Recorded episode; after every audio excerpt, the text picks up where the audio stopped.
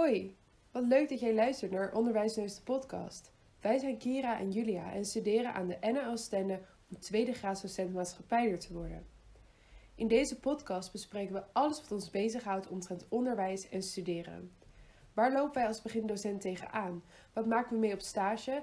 En wat komt bij docentschap kijken wat wij nog niet wisten? Al onze hersenspinsels hoor je in deze podcast.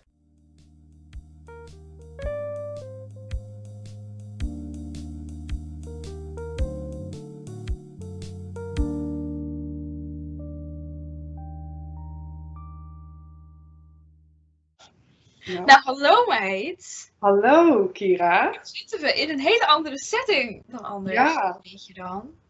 Ja, vandaag hebben we ook een heel ander onderwerp. Ja. Ja, waar we een beetje toe zijn gedwongen. Door school. Door school. ja. Maar het is wel een heel leuk onderwerp. Dat wel. Dat wel. Want het past perfect bij onze studie. En dat is het onderwerp. Tromgeroffel. De verzorgingsstaat. Ja! Onvermijdelijk, natuurlijk.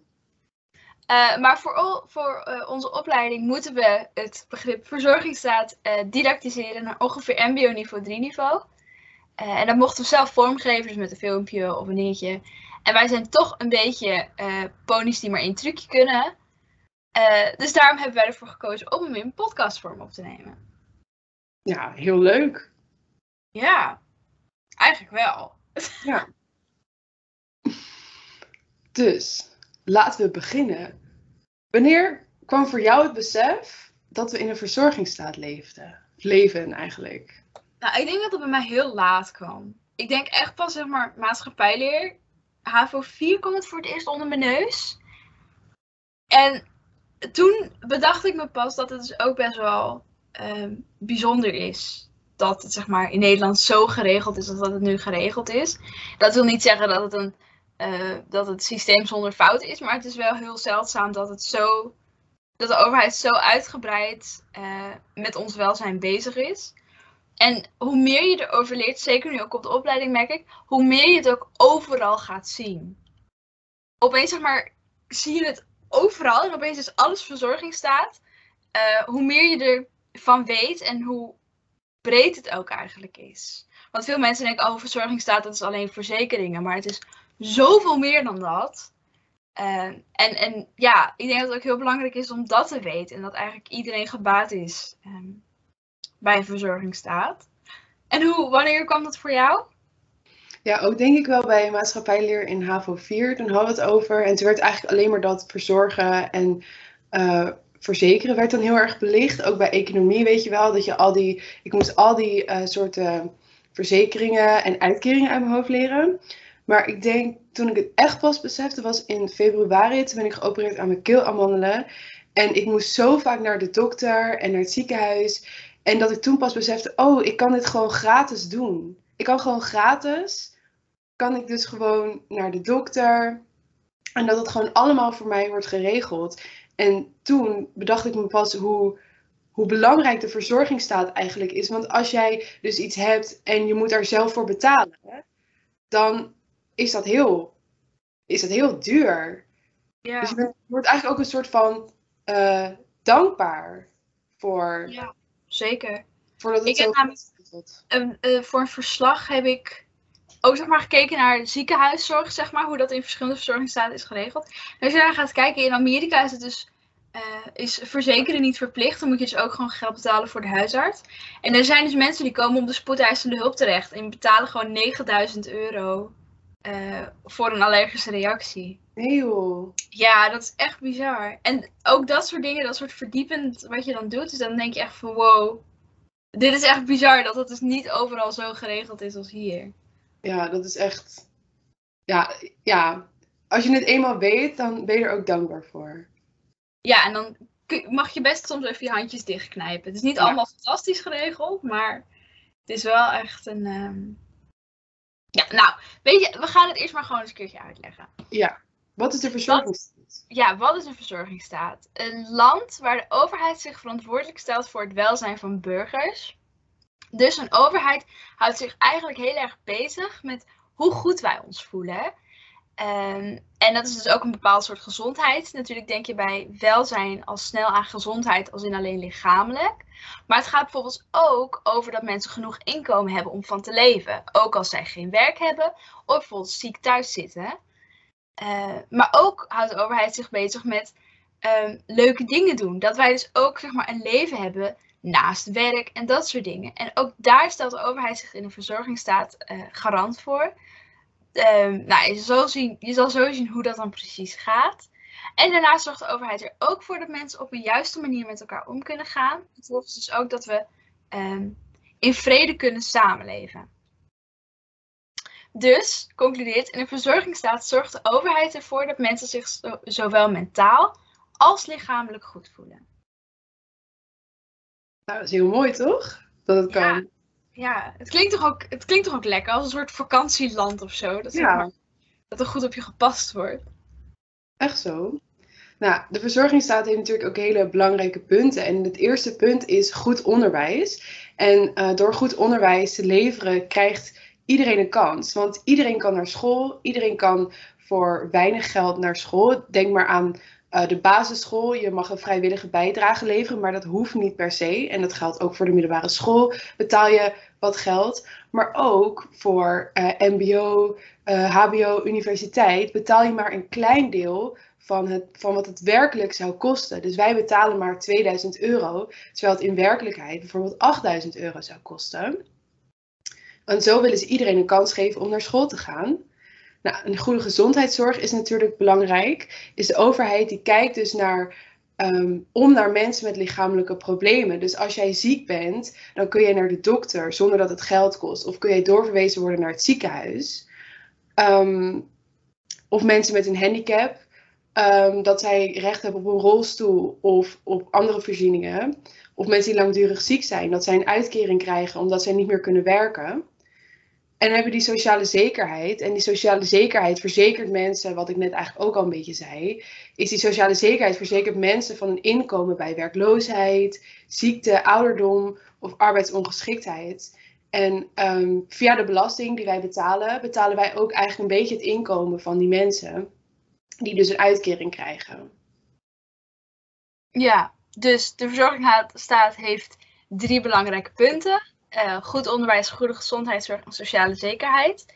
En dat wordt ongeveer door drie partijen samen geregeld. geregeld uh, want het gaat dus niet alleen maar om de overheid. De overheid is wel een van de partijen, want de overheid die zorgt voor collectieve voorzieningen, zoals onderwijs, gezondheidszorg en woningen. En uh, zo'n collectieve voorziening, dat is eigenlijk wat de overheid regelt omdat mensen het zelf niet zullen gaan regelen. Omdat het vaak veel geld kost, uh, veel moeite kost en omdat je er eigenlijk niks voor terugkrijgt. Als jij een winkel opent, dan koop jij dingen in en die verkoop je weer. En daardoor verdien je er ook een beetje geld aan. Je maakt winst. Maar op gezondheidszorg en onderwijs maak je eigenlijk geen winst. Je krijgt eigenlijk geen geld. Wat jullie ook zegt, uh, een basisschool bouwen is heel duur en een ziekenhuis bouwen is heel duur. Maar eigenlijk krijg je er niet zoveel uh, voor terug dan dat het misschien kost. En dat doet de overheid dus. De overheid zorgt er ook voor dat er genoeg werk is. En ze stimuleren de werkgelegenheid. Uh, de overheid stelt ook eisen voor op de werkvloer, zodat mensen veilig hun werk kunnen doen. De tweede partij zijn de werkgevers- en werknemersorganisaties. Uh, dat zijn vakbonden. Er zijn vakbonden die komen speciaal op voor werknemers en voor werkgevers. Uh, beide partijen bij elkaar, dus en die werknemersorganisaties en die werkgeversorganisaties, noem je sociale partners. En zij maken afspraken over arbeidsvoorwaarden. Dus dan moet je denken over wat er op de werkvloer gebeurt, hoe lang een werkdag bijvoorbeeld stuurt. Maar ook uh, wat gebeurt er als jij ziek thuis komt te zitten? Hoe lang wordt jouw salaris doorbetaald voordat je een uitkering krijgt? Dat zijn allemaal dingen waar die werknemers- en werkgeversorganisaties constant met elkaar uh, in overleg over zijn. En de derde partij, dat zijn wij zelf, dat zijn de burgers. Burgers zijn namelijk in eerste instantie wel verantwoordelijk om zichzelf te redden wanneer het even tegen zit. Dus als jij bijvoorbeeld een week ziek bent, dan moet je gewoon uh, je ziek melden op het werk en krijg je die uren niet uitbetaald. Uh, als het uiteindelijk zelf niet meer lukt, dus je wordt bijvoorbeeld langdurig ziek, bijvoorbeeld zo'n half jaar, dan helpt de overheid. Daarnaast betalen alle burgers mee aan die collectieve voorzieningen, wat ik net zei. Dus aan die die scholen, de gezondheidszorg, woningen, betaalt de burger een beetje aan mee via belasting. En via belasting betaal je ook mee aan uitkeringen voor andere mensen. Dus bijvoorbeeld voor die mensen die langdurig ziek zijn of die mensen die met pensioen gaan. Nou, de verzorgingsstaat heeft dus ook verschillende soorten taken. En dat is verzorgen, verzekeren, verbinden en verheffen. En ehm, verzekeren betekent eigenlijk dat mensen een zekerheid hebben dat ze een inkomen hebben. Dus ook als je geen werk hebt, krijg je van de overheid geld om van te leven. Dus stel, je wordt heel ernstig ziek en je kunt niet meer werken. En dat is ook aantoonbaar dat jij niet meer kunt werken. Dan heb je recht op een uitkering. Dus een werkloosheid uitkering. Maar ook als jij gepensioneerd bent, dus niet meer hoeft te werken, uh, heb je ook recht op een uitkering, de AOW. Dan heb je de tweede, verzorgen. En dat is dat de overheid mensen helpt die door een lichamelijke of geestelijke beperking moeilijk meekomt met de maatschappij. Dus je kunt gratis naar de huisarts als je klachten hebt, maar ook er zijn regels over voedselveiligheid. En dat betekent dat als jij in een restaurant eet, dat jij er zeker van kan zijn dat het eten dat jij eet veilig is. Of het eten dat in de supermarkt ligt, dat dat veilig is. Maar ook als je, even kijken, um, nou, maar ook met mensen die, moeilijk meekomen in de maatschappij, die krijgen door een wet toch een plekje op de arbeidsmarkt. Um, en ook bij psychische klachten heb jij gewoon gratis recht op hulp. Ja. En dan heeft de overheid dus nog twee taken. We hadden nu verzekeren en verzorgen. Een andere taak is verheffen. En daar hadden we het net ook al over. De overheid maakt dan geld vrij om ons de kans te geven leuke dingen te doen en nieuwe dingen te leren. En dat ligt dus eigenlijk heel erg bij ons geluk. Niet alleen maar dus dat we ons goed voelen, maar ook dat we ons gelukkig voelen. Uh, we kunnen bijvoorbeeld, wat we net al tienduizend keer hebben gezegd, je kan uh, voor uh, bijna gratis naar school hoe hoger je komt, moet je wel meer betalen. Maar ook steekt de overheid geld in theater, sportclubs en musea. zodat je dus ook meer kan ontdekken en kan, leuke dingen kan doen. Die ook weer zorgen voor ontspanning. Want als je je natuurlijk in je hoofd goed voelt en je hebt een leuk leven, dan gaat het natuurlijk op het werk ook makkelijker. En de laatste taak van de verzorgingsstaat is verbinden. De overheid die probeert ongelijkheid en ontevredenheid in de maatschappij een beetje kleiner te maken. De overheid wil dat mensen goed en vredig met elkaar leven. En uh, dat gaat dan vooral over twee partijen die uh, helemaal naast elkaar staan. Denk bijvoorbeeld aan jong en oud. Of um, bijvoorbeeld um, houdt de overheid zich bezig met een betere band creëren tussen uh, jong en oud. Of mensen met een migratieachtergrond en mensen zonder migratieachtergrond. En dat zie je bijvoorbeeld in buurthuizen. Daar, daar komen allemaal verschillende soorten mensen samen die bij elkaar in de buurt wonen en organiseren daar leuke dingen, leren elkaar beter kennen. Uh, maar ook een overheidscampagne als Do's Lief. Dat hebben, misschien, dat hebben we allemaal denk ik wel voorbij zien komen over dan zo'n cachère die maar door twee van de tien mensen begroet wordt. Uh, ook daar houdt de overheid zich dus mee bezig om te zorgen dat mensen zich ook een beetje bewust worden van het feit dat we het wel leuk moeten hebben met z'n allen in de samenleving en dat we goed tevreden met elkaar om moeten gaan. Maar de verzorgingsstaat komt natuurlijk niet zomaar uit de lucht vallen. Dat is natuurlijk daar over nagedacht. En in Nederland werd in 1919 het begin van de verzorgingsstaat op gang gebracht. Dit was tijdens de industrialisatie. En mensen gingen toen minder werken op het land. En in plaats van um, op het land werken, gingen ze naar steden om te werken in de fabrieken. En het was heel gevaarlijk om te werken in fabrieken, want het was ongezond werk en mensen waren ontevreden. En daarom besloot de overheid beter op deze mensen, te, op deze arbeiders te passen. En dat deden ze met de verzorgingsstaat. En in het begin deed de overheid vooral aan alleen maar verzekeren. Dus als er wat gebeurt, dat jij dan bijvoorbeeld recht had op een uitkering. En door de tijd heen um, is de overheid steeds meer gaan verzorgen voor het welzijn van de burgers. Ja, en dat brengt dus eigenlijk op het punt van nu. Uh, in vergelijking met uh, het buitenland hebben wij een hele brede verzorgingsstaat. En uh, dan is eigenlijk nog maar één vraag. En dat is hoe ziet de Nederlandse verzorgingsstaat er in de toekomst uit? Want wat Julia al zei, de verzorgingsstaat dat is eigenlijk iets wat tot nu toe alleen maar gegroeid is. Ook zeker na de Tweede Wereldoorlog komt nog weer zo'n golf van groei. En wat de toekomst brengt, ja, dat weten we natuurlijk niet precies. Uh, hoe de verzorgingsstaat namelijk in een land wordt vormgegeven, is heel erg afhankelijk van de politieke partijen en de politieke leiders die op dat moment de baas zijn van Nederland. Uh, elke politieke partij heeft namelijk een ander beeld van hoe de verzorgingsstaat eruit zou moeten zien. Sommige partijen, zoals de VVD, die vinden dat de verzorgingsstaat nu net iets te breed is. En dat het eigenlijk best wel een beetje ingeperkt kan worden. Zij willen wat meer eigen verantwoordelijkheid. En dat de burger zich dus iets langer gaat redden voordat de overheid moet ingrijpen uh, met bijvoorbeeld verzorgen of verzekeren. Andere partijen die vinden bijvoorbeeld dat de verzorgingsstaat nu prima is en dat we hem zo moeten laten. Terwijl andere partijen willen zeggen dat de overheid best nog wel wat meer kan doen in de verzorgingsstaat. En dat de overheid nog wel wat meer mag letten op bijvoorbeeld het verheffen of uh, nog beter kunnen verzorgen, zodat de gezondheidszorg nog goedkoper wordt voor mensen. En zo, zo blijft het dus eigenlijk een mysterie van hoe het eruit zal gaan zien. Hoe meer je naar links neigt, hoe groter de verzorgingsstaat waarschijnlijk zal worden. En hoe meer je naar rechts neigt, hoe kleiner die zal worden.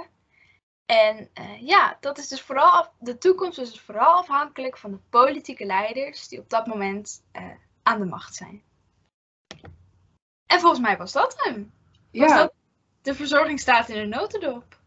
Ja, nou, ik zit even eh, te kijken, want ik had laatst een artikel. Ik zoek hem even, dus ik kijk even of ik dit erin laat of niet. Ja. Maar ehm, ik had laatst een artikel gelezen in de Volkskrant dat eh, de premie die wij straks moeten betalen in 2050 15.000 euro is. Ja. En dat komt door de vergrijzing, want we worden steeds ouder en er komen steeds meer risico's bij. En dat wij dus per jaar 15.000 euro moeten betalen. Dat is echt bizar, hè?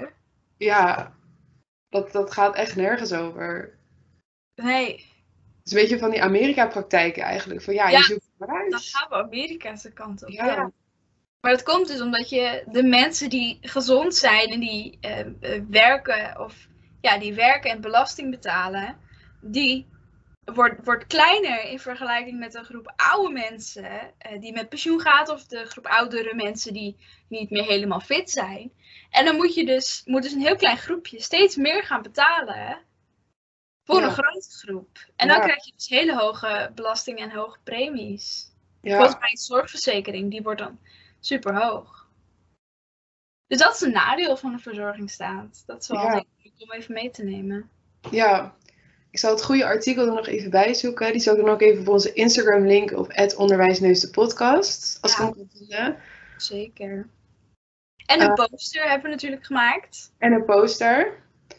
Die eh, zit verpakt bij het lesmateriaal, denk ik. Of Ja. komt die op onze Instagram? Kunnen we ook op ons Instagram zetten. Ja, dat is goed. Is je overal te vinden. Precies. Nou, Dat was dit. vandaag. Tot de volgende ronde. Ronde. Doei doei. Doei!